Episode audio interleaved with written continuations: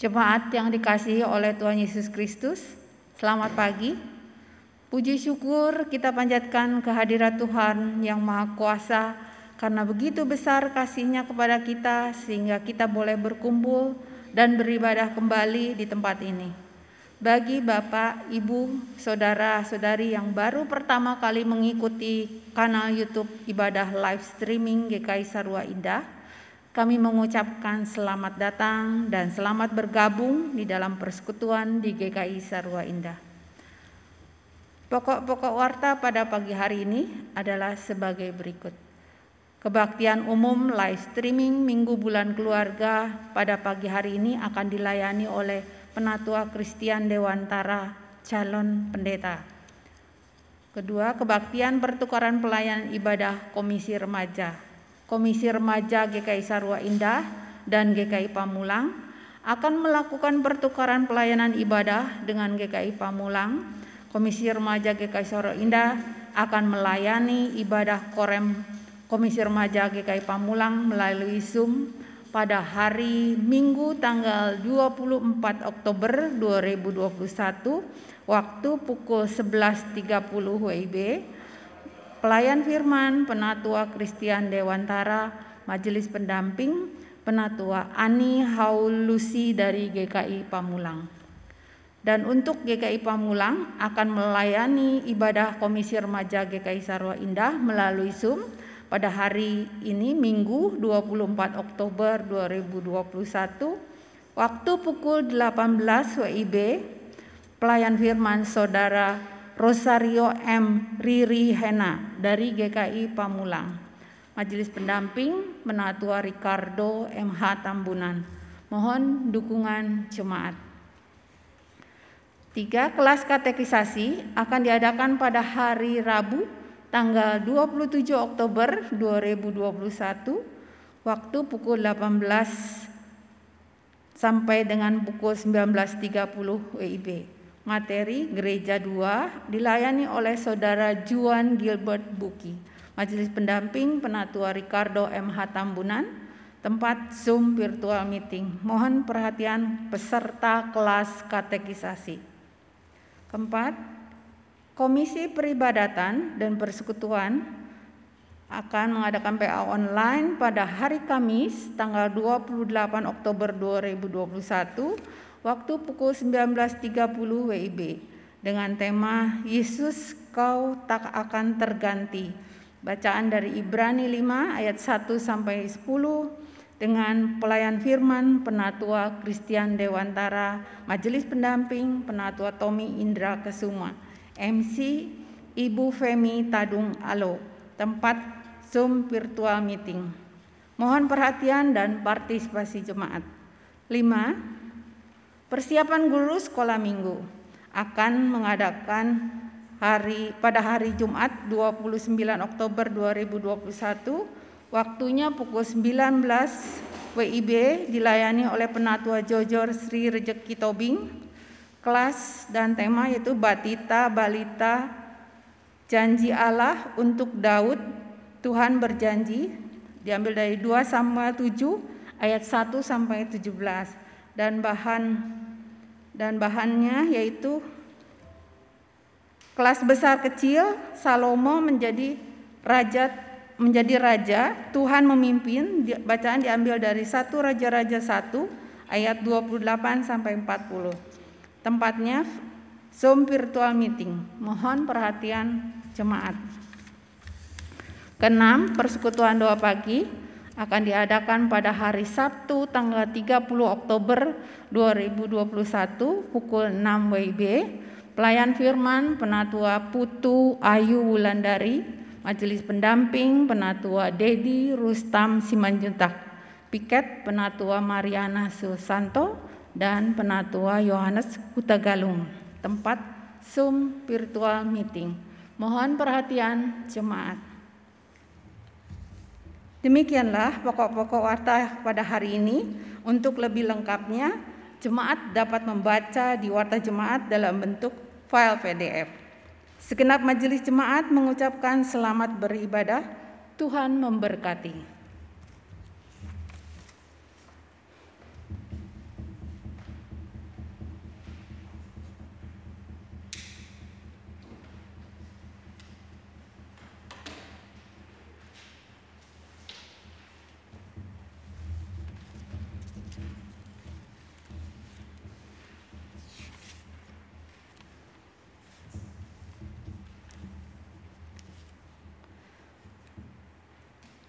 Ayub 36 ayat 26 sampai dengan 30. Sesungguhnya Allah itu besar, tidak tercapai oleh pengetahuan kita. Jumlah tahunnya tidak dapat diselidiki. Ia menarik ke atas titik-titik air dan memekatkan kabut menjadi hujan yang dicurahkan oleh mendung dan disiramkan ke atas banyak manusia. Siapa mengerti berkembangnya awan dan bunyi gemuruh di tempat kediamannya? Sesungguhnya ia mengembangkan terangnya di sekelilingnya dan menudungi dasar laut.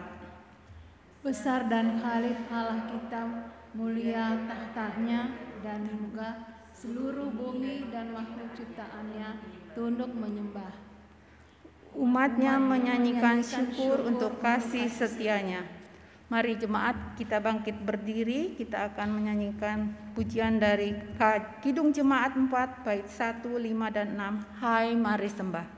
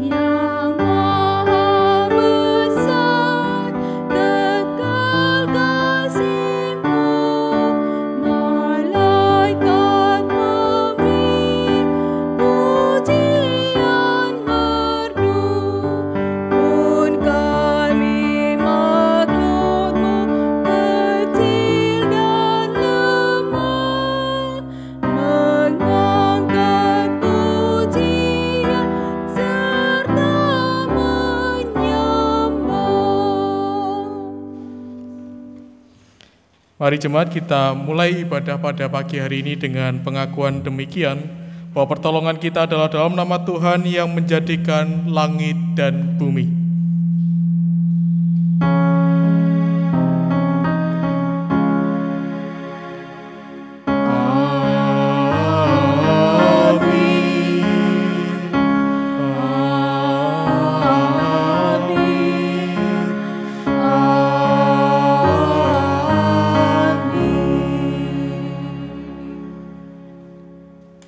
Karunia dan damai sejahtera dari Allah Bapa dan Tuhan kita Yesus Kristus menyertai saudara sekalian.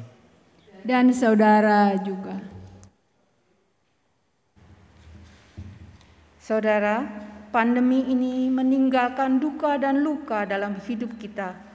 Keluarga, kerabat, dan sahabat korban COVID-19 yang telah meninggalkan kita, perekonomian keluarga yang morat-marit, parut luka pada penyintas COVID-19 yang tetap tertinggal dalam tubuh, bahkan setelah dinyatakan sembuh. Tatanan kehidupan yang porak-poranda, semua itu dapat membuat seseorang terpuruk, putus asa, depresi, dan mungkin kehilangan kewarasan. Umat Tuhan yang tetap berpegang teguh pada pengharapan yang menyenangkan hidupnya dalam belas kasih Tuhan. Jika kita ibarat kita terjatuh ke dalam sumur yang dalam, maka inilah waktunya untuk bangkit, memanjat keluar dari dalam sumur keterpurukan. Sebab jika di dalam Tuhan ada pengharapan, maka setiap kita pasti bisa membagi dan memberi harapan kepada sesama jika dalam Tuhan ada belas kasih, maka ini saatnya berbagi kasih kepada sesama. Ada orang-orang yang lebih malang, lebih membutuhkan pelayanan kasih kita daripada kita. Dalam merayakan bulan keluarga, marilah setiap anggota keluarga, setiap keluarga, setiap jemaat Tuhan kembali kepada panggilan kita untuk melayani sekecil apa pun yang dapat kita lakukan. Marilah saudara, kita datang kepada sobat kita dari Galilea memohon pertolongan agar kita dikuatkan untuk tetap melayani. Saya undang jemaat untuk berdoa terlebih dahulu secara pribadi, setelah itu saya akan menutupnya di dalam doa pengakuan dosa.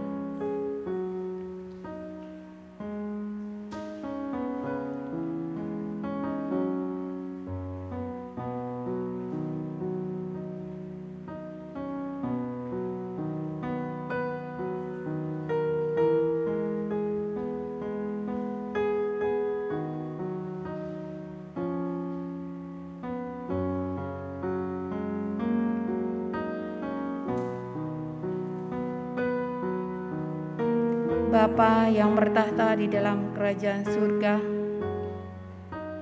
pagi hari ini kami bersyukur Tuhan masih ada kesempatan kami untuk bersama-sama beribadah, bersekutu melalui virtual Zoom saat ini. Terima kasih Bapa untuk kesempatan ini. Dan saat ini kami mau mengakui segala pelanggaran dan dosa kami di hadapan-Mu Tuhan. Ketika kami berada di dalam masalah kesulitan hidup yang tidak tidak tahu ujungnya. Tuhan, sering kali kami terbawa oleh kesulitan masalah. Seringkali kami lupa, sering kami lalai di dalam melakukan, menjalankan kewajiban kami sebagai anak-anakmu yang telah Engkau pilih. Ketika kami Tuhan juga tidak menggunakan waktu dan kesempatan yang Tuhan berikan dengan baik. Dan kami Tuhan lebih mementingkan diri kami. Kami lupa Tuhan masih ada orang-orang di luar sana yang masih membutuhkan banyak pelayanan kami. Ampunilah kami ya Tuhan. Kami melakukan tindakan yang menurut keinginan diri kami sendiri bukan menurut ajaranmu. Ampunilah kami Tuhan kalau kami juga telah membuang kesempatan yang Tuhan berikan bagi kami. Kami mau belajar Tuhan untuk dapat menjadi pelayanmu yang setia. Kiranya Tuhan yang melawat dan menjamah kami sehingga kami juga Tuhan dapat belajar untuk memberikan sekecil apa pun yang dapat kami lakukan menurut ke, menurut kemampuan yang kami miliki. Karena itu Tuhan kami mau menyerahkan doa pengakuan dosa kami ini ke dalam tanganmu. Tuntun dan sertai kami. Di dalam nama Tuhan kami Yesus kami berdoa dan memohon. Amin.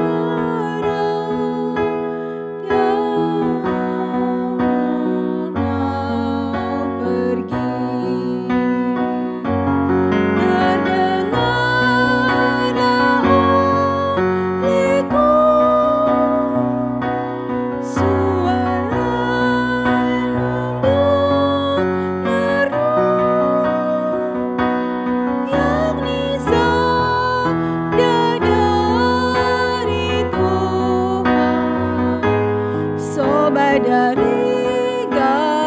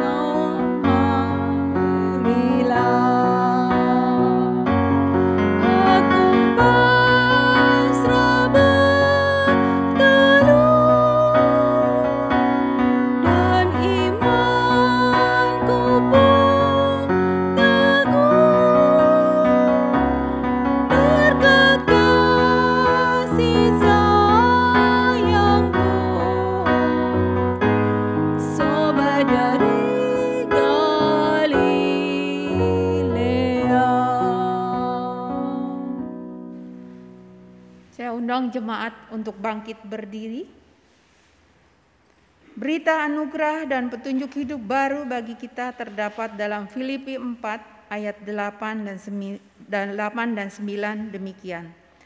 Jadi akhirnya saudara-saudara, semua yang benar, semua yang mulia, semua yang adil, semua yang suci, semua yang manis, semua yang sedap didengar, semua yang disebut kebajikan dan patut dipuji. Pikirkanlah semuanya itu, dan apa yang telah kamu pelajari, dan apa yang telah kamu terima, dan apa yang telah kamu dengar, dan apa yang telah kamu lihat padaku. Lakukanlah itu, maka Allah, sumber damai sejahtera, akan menyertai kamu. Demikianlah petunjuk hidup baru dan berita anugerah dari Tuhan. Syukur kepada Allah.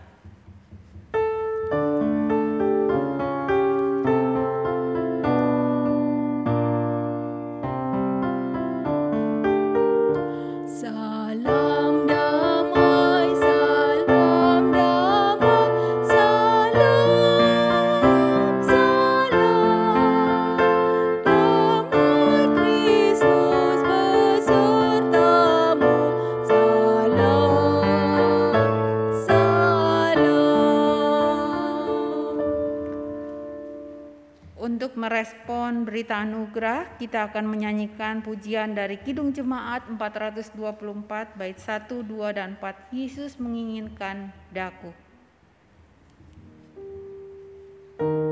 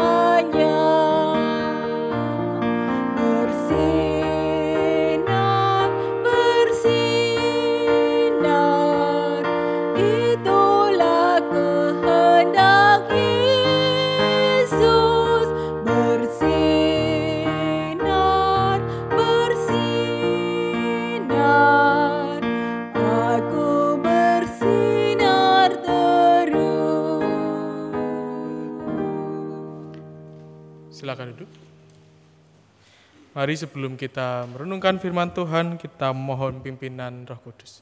Mari kita berdoa. Kami sungguh mengucap syukur Tuhan, hidup kami adalah hidup dalam kelemahan dan keterbatasan, namun Tuhan senantiasa menginginkan kami, mengasihi kami, bahkan juga menjadi sobat yang setia bagi kami. Kami bersyukur untuk kasih setia Tuhan yang begitu luar biasa dalam kehidupan kami. Sehingga dalam kelemahan kami pun kami boleh merasakan penyertaan Tuhan. Dan sebagai rasa syukur itu Tuhan, kami siap mendengarkan firman Tuhan. Kiranya Tuhan juga memberkati hambamu yang akan menyampaikan firman Tuhan. Kiranya juga Tuhan memperlengkapi. Demi Kristus Yesus kami berdoa. Amin. Bacaan Injil Yesus Kristus diambil dari Markus 10 ayat 46 sampai 52. Markus 10 ayat 46 sampai 52 demikian. Lalu tibalah Yesus dan murid-muridnya di Yeriko dan ketika Yesus keluar dari Yeriko bersama-sama dengan murid-muridnya dan orang banyak yang berbondong-bondong, ada seorang pengemis yang buta bernama Bartimius anak Timius duduk di pinggir jalan. Ketika didengarnya bahwa itu adalah Yesus orang Nazaret, mulailah ia berseru, Yesus, anak Daud, kasihanilah aku. Banyak orang menegurnya supaya ia diam. Namun semakin keras ia berseru, Anak Daud, kasihanilah aku. Lalu Yesus berhenti dan berkata, Panggillah dia.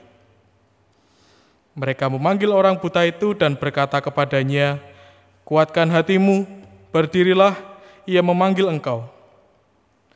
Lalu ia menanggalkan jubahnya, ia segera berdiri dan pergi mendapatkan Yesus. Tanya Yesus kepadanya, "Apa yang kau kehendaki supaya aku perbuat bagimu?" Jawab orang buta itu, "Rabuni, supaya aku dapat melihat."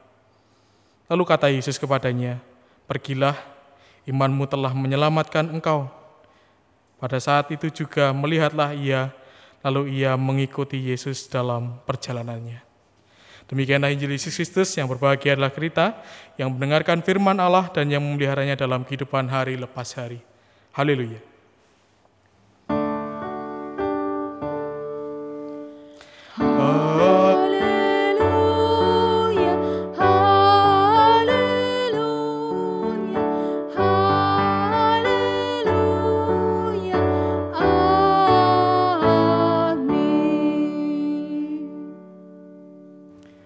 Beberapa waktu yang lalu kita dikejutkan dengan sebuah peristiwa yang ada di Jawa Timur, tepatnya di kota Blitar, ketika ada seorang petani yang membentangkan poster ketika Presiden Jokowi lewat di depannya begitu. Ketika ia membentangkan poster itu ternyata bukan respon yang dibaik, yang disambut begitu, justru ia ditangkap oleh pihak berwajib. Hanya karena membentangkan poster kecil saja, dia lalu ditangkap dan dihalangi untuk mendapatkan perhatian dari presiden. Lalu setelah diselidiki apa sih sebenarnya isi posternya itu gitu ya? Apakah memang sebuah hujatan misal atau apakah sebuah makian yang ditujukan kepada presiden? Apakah sesuatu yang buruk atau memang tidak patut dipertunjukkan di kalayak umum? Ternyata tidak. Isinya adalah permintaan ketika dia menginginkan harga kebutuhan komoditas peternakan stabil. Ketika ia membutuhkan kepastian jaminan untuk bisnisnya dapat berjalan dengan lancar. Karena kita tahu bersama beberapa waktu ini harga beberapa komoditas peternakan hancur harganya dan dia hanya meminta kepada pemimpinnya, meminta kepada orang yang dia tahu persis punya kekuatan untuk mengambil kebijakan hanya untuk menstabilkan harga itu. Dan ternyata kepentingannya yang sebenarnya juga kepentingan banyak orang justru malah dibungkam. Ya walaupun sih pada akhirnya kita melihat ketika Indonesia itu kan begitu. Apa-apa itu kalau viral baru diurusi. Gitu. Kalau tidak viral ya sudah tenggelam begitu saja. Karena berita ini terdengar sampai mana-mana, lalu akhirnya orang ini dilepas dan tidak ditahan. Namun melalui peristiwa ini kita bisa melihat bahwa terkadang orang-orang yang dianggap kecil dan tidak berharga ketika dia mengatakan sesuatu, dia dibungkam. Ah, udahlah nggak penting. Ah, sudahlah kamu ini apa? Ah, nanti kamu ini mengganggu kestabilan yang sudah ada kita nikmati sekarang ini. Begitu pula dengan kisah Bartimeus yang kita baca hari ini. Ketika Tuhan melewati kota Yeriko dan Bartimeus mendengar bahwa itu adalah Tuhan yang lewat, dia langsung berteriak begitu. Anak Daud kasihanilah aku. Gitu. Seharusnya kalau orang-orang yang ada di sekitar itu sadar betul siapa Kristus, dia justru seharusnya memberi ruang untuk Bartimius, mari mendekatlah. Mari datanglah, mintalah pertolongan kepada Tuhan. Tapi ternyata kita melihat hal sebaliknya terjadi. Dia dibungkam dan disuruh diam. Kita perlu melihat bahwa memang betul Bartimius ini adalah seorang pengemis buta. Kita tahu dalam tradisi Yahudi, orang-orang yang difabel ini ya sudah, tidak punya tempat. Ya sudah, tidak punya masa depan tidak punya posisi dalam struktur masyarakat. Dianggap kelas 2 mungkin bahkan tidak punya kelas. Maka wajar terjadi bila orang-orang itu lalu mengatakan untuk diamlah. Kamu mengganggu. Kamu pergi saja. Mungkin saja seperti itu gambarannya. Kita membayangkan begitu ya, Tuhan yang berjalan banyak orang mengikut dia dan tentu banyak juga yang bersorak memuji dan memuliakan Tuhan lalu tiba-tiba ada yang mengatakan anak Daud kasihanilah aku tentu itu kan menjadi sesuatu yang mengganggu gitu ya. Kalau kita membayangkan semua haleluya puji Tuhan. Wah semuanya bersorak-sorai memuji Tuhan. Lalu ada yang berteriak minta tolong.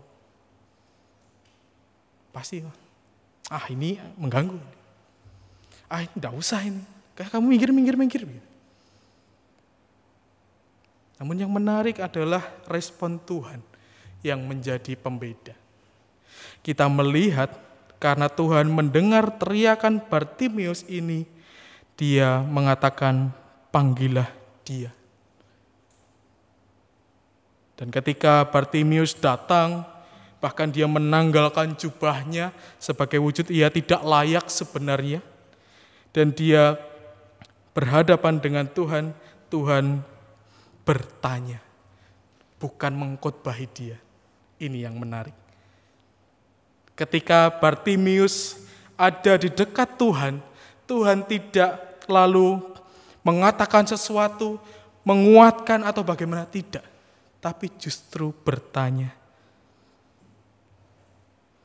apa yang kau kehendaki supaya aku perbuat bagimu?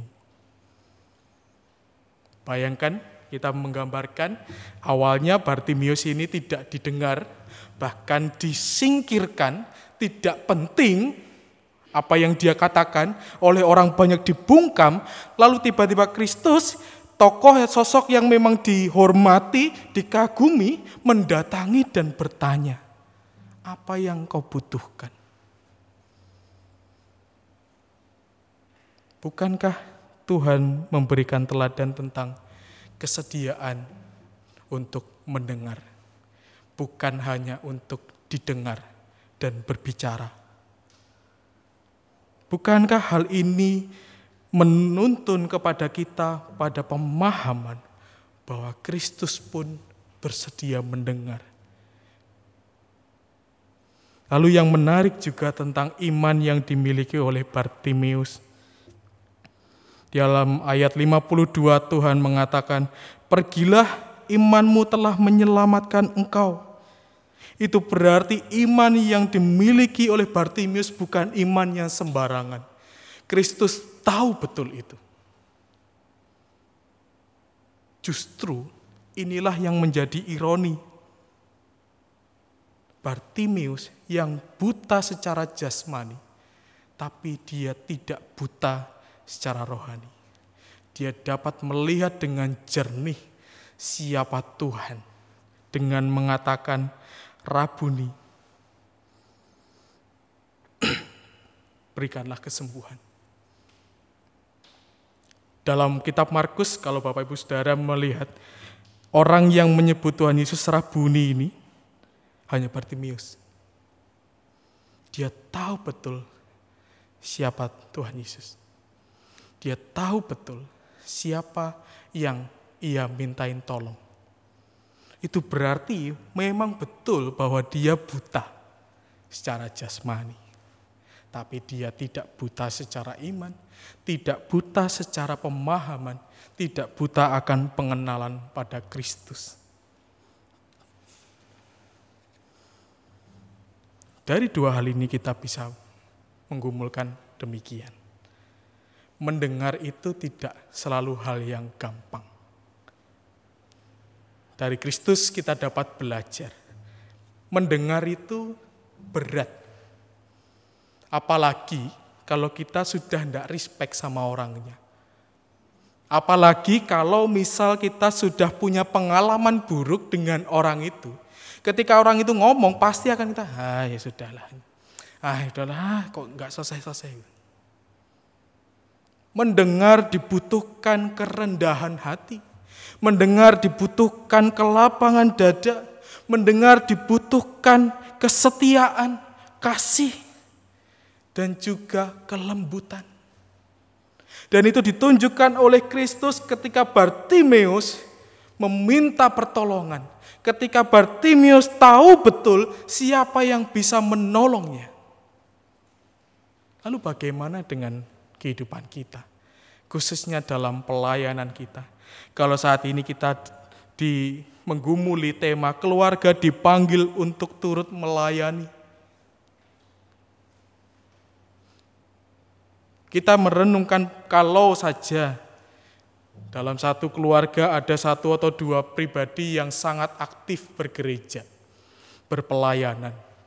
Lalu yang lain ya suam-suam kuku lah. Kalau diajak berangkat, kalau enggak ya sudah peneran gitu ya. Kalau diajak ya oke aku pelayanan, kalau enggak diajak hmm ya udah narik selimut lagi gitu.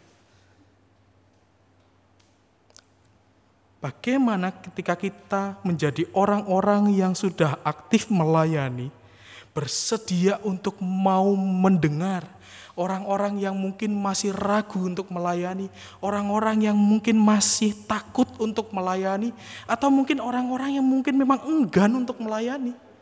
Apakah kita pernah menggali, mendengar dengan tulus, mendengar dengan penuh kasih, kenapa orang sampai tidak mau melayani? Kenapa orang sampai enggan ke gereja? Gak usah jauh-jauh melayani ya Bapak Ibu Saudara. Datang saja pelayanan, ibadah saja. Kalau sekarang konteksnya ibadah live streaming saja. Orang kenapa sih sampai enggan ikut seperti itu? Apakah kita mau belajar mendengar? Apakah kita juga memberikan waktu yang cukup untuk orang-orang seperti itu? Ataukah kita selama ini karena sudah merasa paling benar, dapat melakukan banyak hal, lalu kita hanya mau didengar, tidak mau mendengar. Apalagi kalau sudah punya pengalaman yang luar biasa, menganggap orang-orang yang masih baru dalam pelayanan, lalu, ah sudahlah kamu ini belum punya pengalaman. Aku ini loh yang punya pengalaman, dengar aku. Kamu harus mendengar. Apakah seperti itu? Ketika kita diajak menggumuli untuk di keluarga dipanggil untuk turut melayani, baik dalam konteks keluarga maupun bergereja, apakah semua orang mau saling mendengar? Kalau kita refleksikan, kadang tidak. Kita lebih suka untuk didengar, dan orang lain kita suruh untuk diam, dengarkan, turuti apa mauku. Karena kamu tidak berpengalaman, aku yang lebih berpengalaman.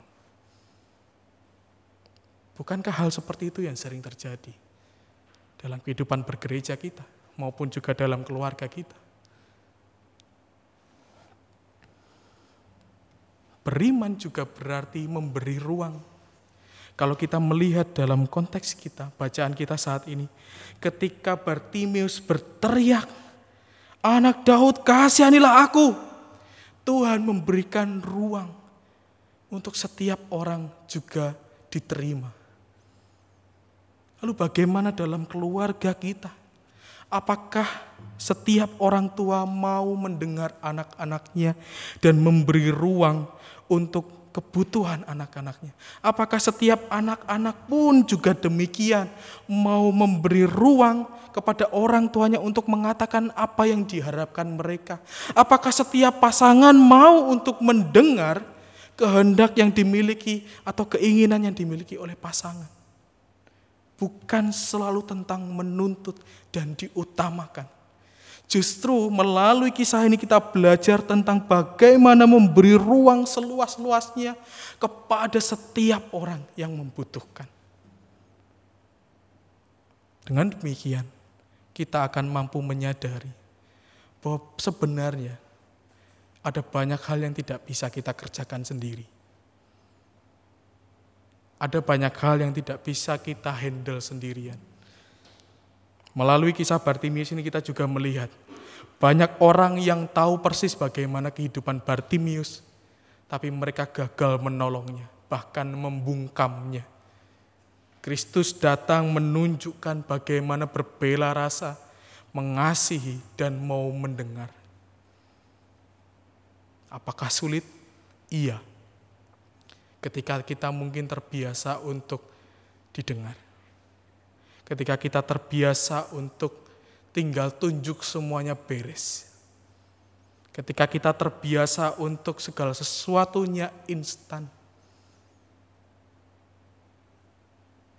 Saat inilah melalui momen bulan keluarga kita diajak untuk mau berbagi, mau hidup dalam kerukunan, mau saling mendengar dan memberikan ruang yang luas, agar setiap orang yang ada dalam keluarga kita juga bersedia mengambil bagian untuk tugas-tugas yang kita kumpulkan bersama. Ketika ada 10 tugas dikerjakan oleh 10 orang tentu akan lebih baik hasilnya dan lebih cepat daripada ketika ada 10 tugas dikerjakan hanya dua orang. Apakah selesai? Iya, tapi mungkin setelahnya kita akan gempor Bapak Ibu. Mungkin setelahnya kita akan kelelahan dan mulai menyalahkan orang lain.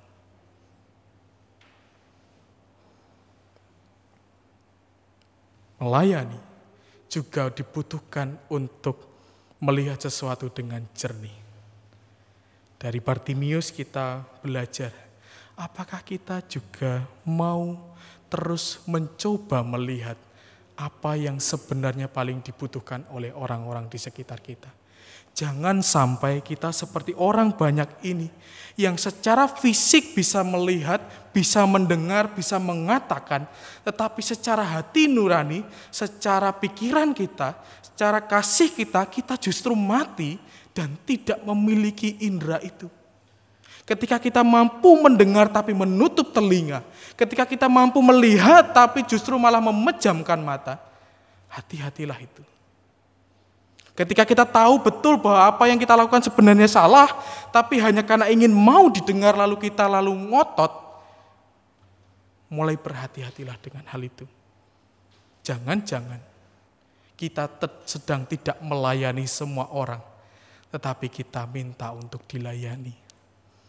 Jangan-jangan ketika kita lalu sangat uh, egois dan menyingkirkan kebutuhan orang lain, kita sedang ngotot untuk minta dilayani dengan sepenuh hati. Oleh karena itu, dalam bulan keluarga ini kita juga harus melihat. Ketika kita menggumuli keluarga yang dipanggil untuk turut melayani, itu berarti kita mengajak semuanya bergerak dalam kebersamaan, dalam kesederapan yang sama, dalam rencana yang semuanya tahu, sama-sama tahu, dan semuanya berbagi beban untuk bergerak bersama. Hidup berkeluarga ataupun dalam persekutuan, itu berarti kita juga mampu dan mau memasrahkan beban kepada orang lain. Sekaligus kita juga mau untuk mengambil beban orang lain untuk kita pikul bersama. Hidup saling melayani bukan hanya untuk kita lalu mengambil semua beban itu kita taruh di pundak sendiri. Tidak, tidak seperti itu juga.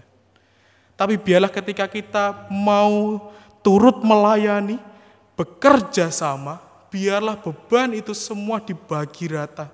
Dan semua merasakan enak ya enak semua, berat-berat ya semua, lelah-lelah semua, sukacita pun juga semua yang merasakan. Dengan demikian, kita akan mampu menyatakan bahwa kita pun mau meneladani Kristus. Ketika kita mau memberi ruang, mau mendengar, bahkan juga mau terus berupaya dengan baik. Dari Bartimius kita juga melihat ketulusan yang ia miliki, kejernihan yang ia miliki. Kalau kita membaca di ayat 52 dikatakan demikian. Pergilah imanmu telah menyelamatkan engkau. Pada saat itu juga melihatlah ia, lalu ia mengikut Yesus dalam perjalanannya. Tuhan tidak mengatakan setelah kamu sembuh, ikutlah aku. Setelah kamu sembuh, nyatakanlah segala sesuatunya. Enggak, Tuhan tidak mengatakan apa pun. Tuhan tidak memberi anjuran apa pun kepada Bartimius. Karena apa? Tuhan tahu betul Bartimius adalah orang yang hebat. Dan itu kita lihat juga dia mengikut Kristus dalam perjalanannya. Apakah kita mau belajar dari Bartimius? Ketika Tuhan menyatakan kuasanya kepada kita? Apakah kita harus selalu selalu diingatkan, selalu harus diajak, harus selalu di apa ya, uh, didorong-dorong begitu untuk melakukan sesuatu? Atau kita mau belajar seperti Bartimius, menyambut berkat yang sudah Tuhan berikan menyambut itu dengan merubah hidup, dengan mau menyadari ada hal-hal yang harus diperbaiki dalam hidup. Kiranya Kristus menguatkan kita. Belajarlah dari Bartimius, memiliki iman yang besar sekaligus mau mendengar. Tuhan berkati.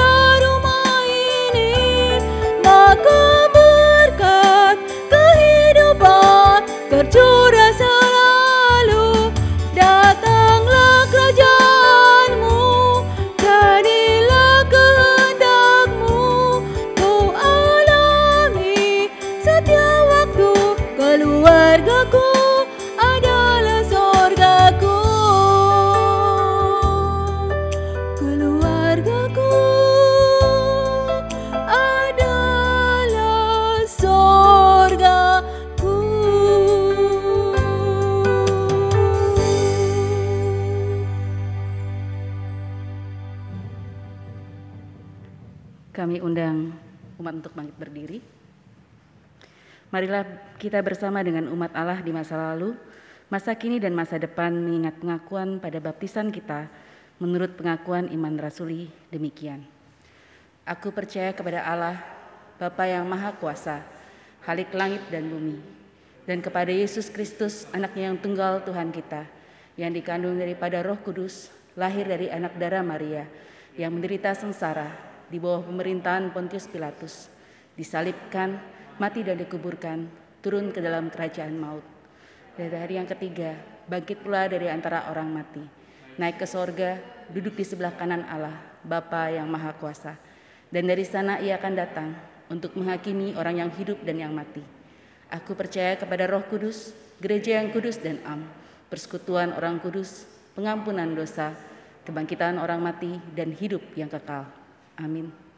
Kami persilakan umat untuk duduk kembali.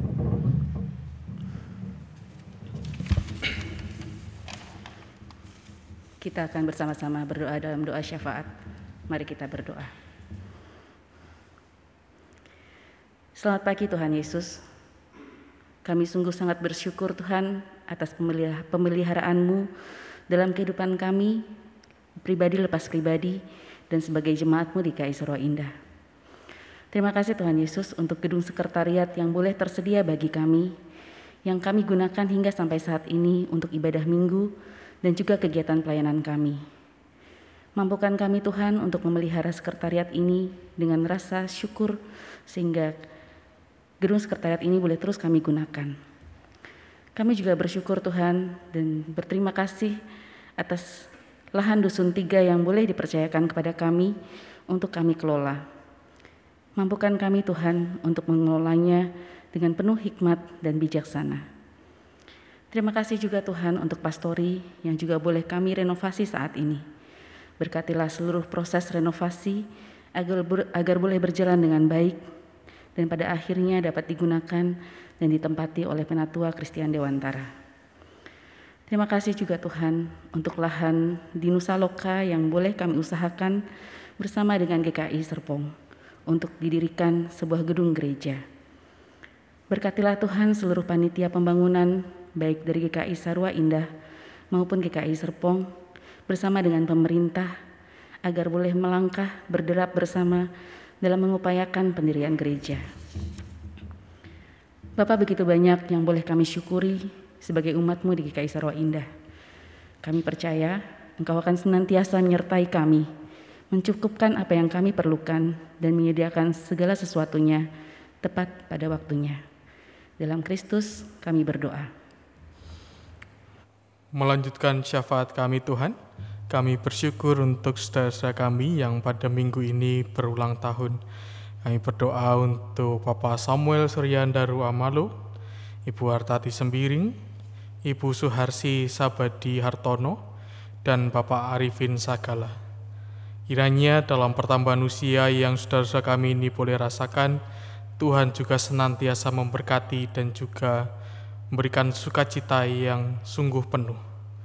Kami juga mohon kiranya berkat dan anugerah Tuhan juga tetap setia ada dalam kehidupan saudara-saudara kami ini, sehingga ketika mereka boleh merasakan pertambahan usia, mereka pun juga menyadari dan mengucap syukur, karena itu semua dalam kasih dan pengharapan kepada Tuhan.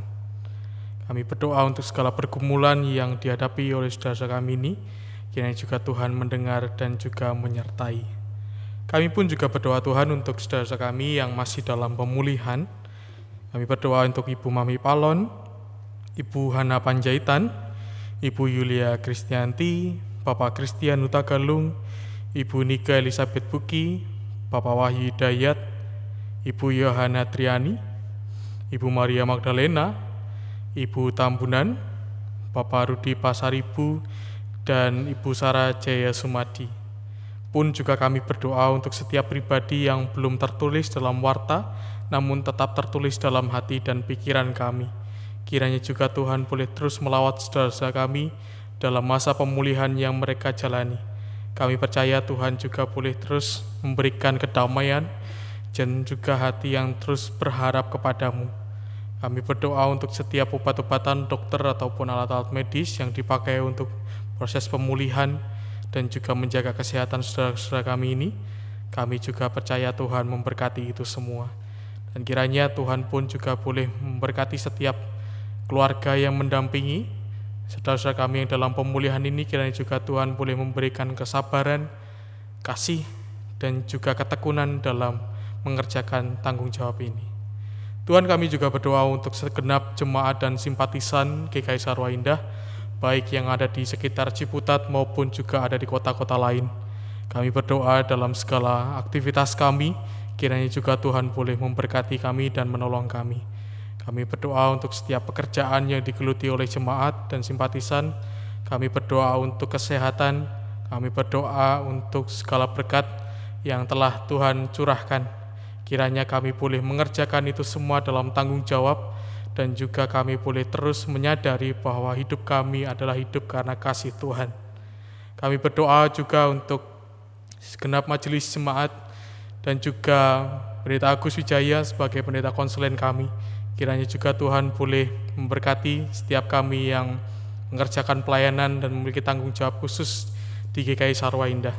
Kiranya Tuhan memberikan kesatuan hati kepada kami, sehingga dalam mengerjakan segala pelayanan ini kami boleh terus berharap kepadamu, kami juga berdoa untuk setiap badan pelayanan yang ada dalam Kaisar Indah dalam masa-masa penyusunan program kiranya juga Tuhan boleh membimbing kami agar apa yang kami gumulkan tepat sasaran dan ketika kami boleh mengerjakan pelayanan kami kami juga boleh mengerjakannya dengan penuh tanggung jawab. Dan ketika Tuhan memberkatinya kami pun boleh menjadi berkat juga bagi setiap anggota dan simpatisan. Kami pun juga berdoa Tuhan untuk bangsa dan negara kami. Dalam masa-masa pandemi ini kami bersyukur sudah semakin membaik hari lepas harinya. Itu semua karena campur tangan Tuhan dan ketika Tuhan juga memberkati setiap orang yang memiliki posisi untuk mengambil kebijakan maupun setiap orang yang ada di lapangan yang tanpa kenal lelah bekerja untuk menghadapi pandemi ini. Kami bersyukur untuk setiap pribadi yang memiliki hati untuk negara ini Tuhan kami bersyukur untuk setiap orang yang masih menaruh kepercayaan kepada negara kami. Kiranya juga Tuhan memberkati mereka seperti Tuhan juga memberkati kami. Kami berdoa untuk proses vaksinasi yang masih terus berjalan. Kiranya juga Tuhan boleh menolong dan juga memampukan kami agar kami pun dalam waktu yang tidak terlalu lama boleh hidup bebas dari pandemi ini dan kami boleh beraktivitas seperti sedia kala. Kami rindu Tuhan, untuk berjumpa dengan saudara-saudara kami dalam kondisi yang lebih aman. Kami rindu setiap orang boleh memiliki pemulihan ekonominya karena pandemi ini justru memporak-porandakan kehidupan kami. Kami rindu ketika pandemi ini usai, kami boleh beraktivitas seperti sedia kala, dan kami pun boleh terus memperjuangkan kasih Tuhan dalam kehidupan kami. Inilah seluruh seru dan syukur kami Tuhan. Dalam nama Tuhan Yesus Kristus, Tuhan yang telah mengajar kami berdoa. Demikian.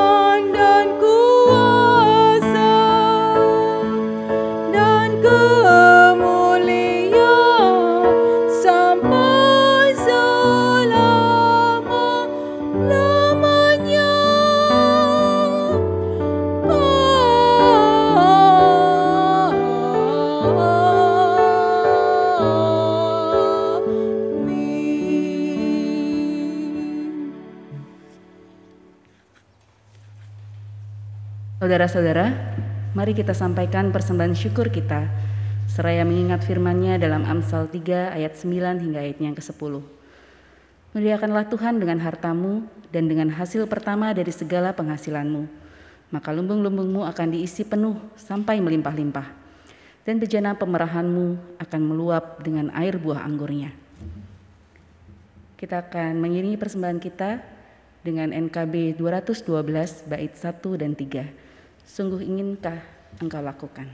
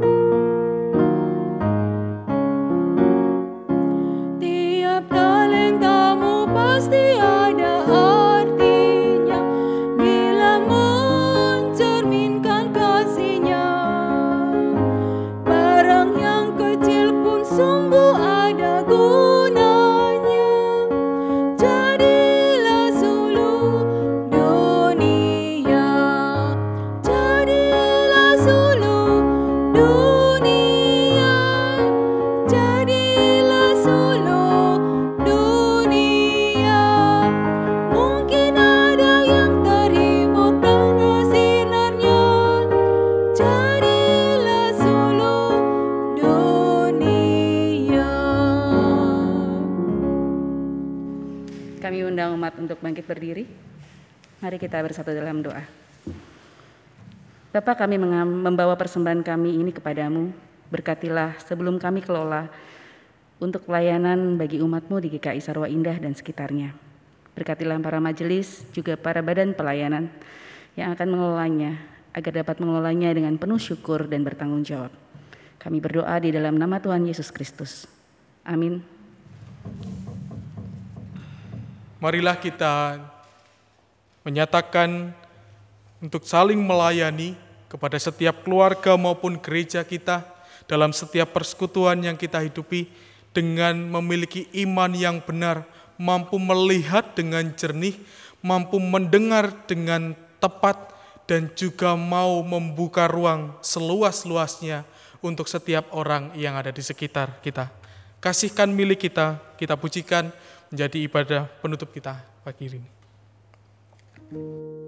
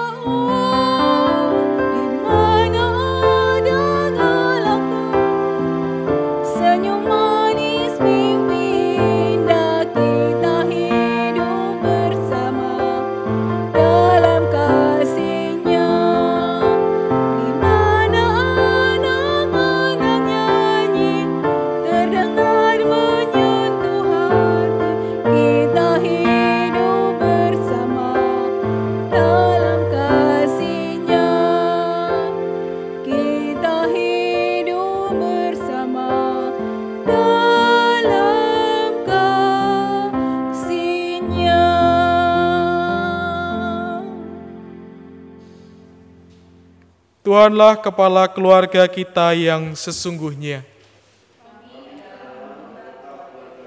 Hiduplah dalam cinta kasih keluarga Allah. kami akan hidup di dalam cinta kasih Allah. Teruslah bertekun dalam iman dan pelayanan. Kami akan terus bertekun dalam iman dan pelayanan bagi kemuliaan Allah. Syukur, Syukur kepada, kepada Allah. Allah. Marilah kita menerima berkat dari Tuhan. Tuhan memberkati kita dan melindungi kita. Tuhan menyinari kita dengan wajahnya dan memberi kita kasih karunia. Tuhan menghadapkan wajahnya kepada kita dan memberi kita damai sejahtera. Amin. Haleluya. Amin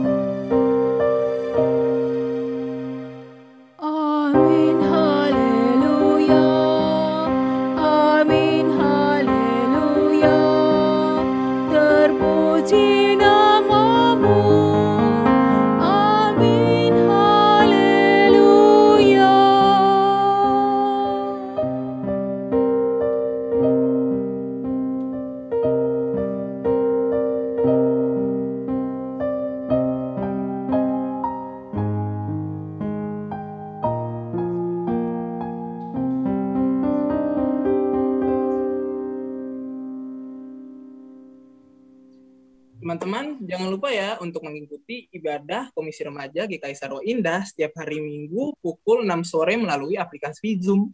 Selamat hari Minggu. Selamat hari Minggu. Selamat hari Minggu. Minggu, Pak. Bapak, Ibu, saudara-saudara, kami baru aja selesai ikut PA online. Kami mengundang Bapak, Ibu, dan saudara-saudara untuk ikut bergabung bersama kami setiap hari Kamis jam 7.30 malam di Zoom Virtual Meeting. Selamat hari Minggu. Selamat hari Minggu. Selamat hari Minggu. Tuhan Yesus memberkati. Tuhan Yesus memberkati. Selamat hari Minggu Bapak Ibu semua. Kami dari Dewasa, Komisi Dewasa mengundang Bapak Ibu semua untuk bergabung di Persekutuan Dewasa setiap hari Sabtu jam 7 malam di minggu keempat setiap bulannya. Khusus untuk bulan November akan dilakukan di awal Desember pada hari Sabtu jam 7 malam. Kami sangat menantikan Bapak Ibu semua bergabung dengan kami, bersekutu dan bertumbuh bersama. Kita bisa saling berbagi dan juga kita saling mendoakan. Terima kasih, Tuhan memberkati. Selamat hari Minggu. Hari Minggu. Hati.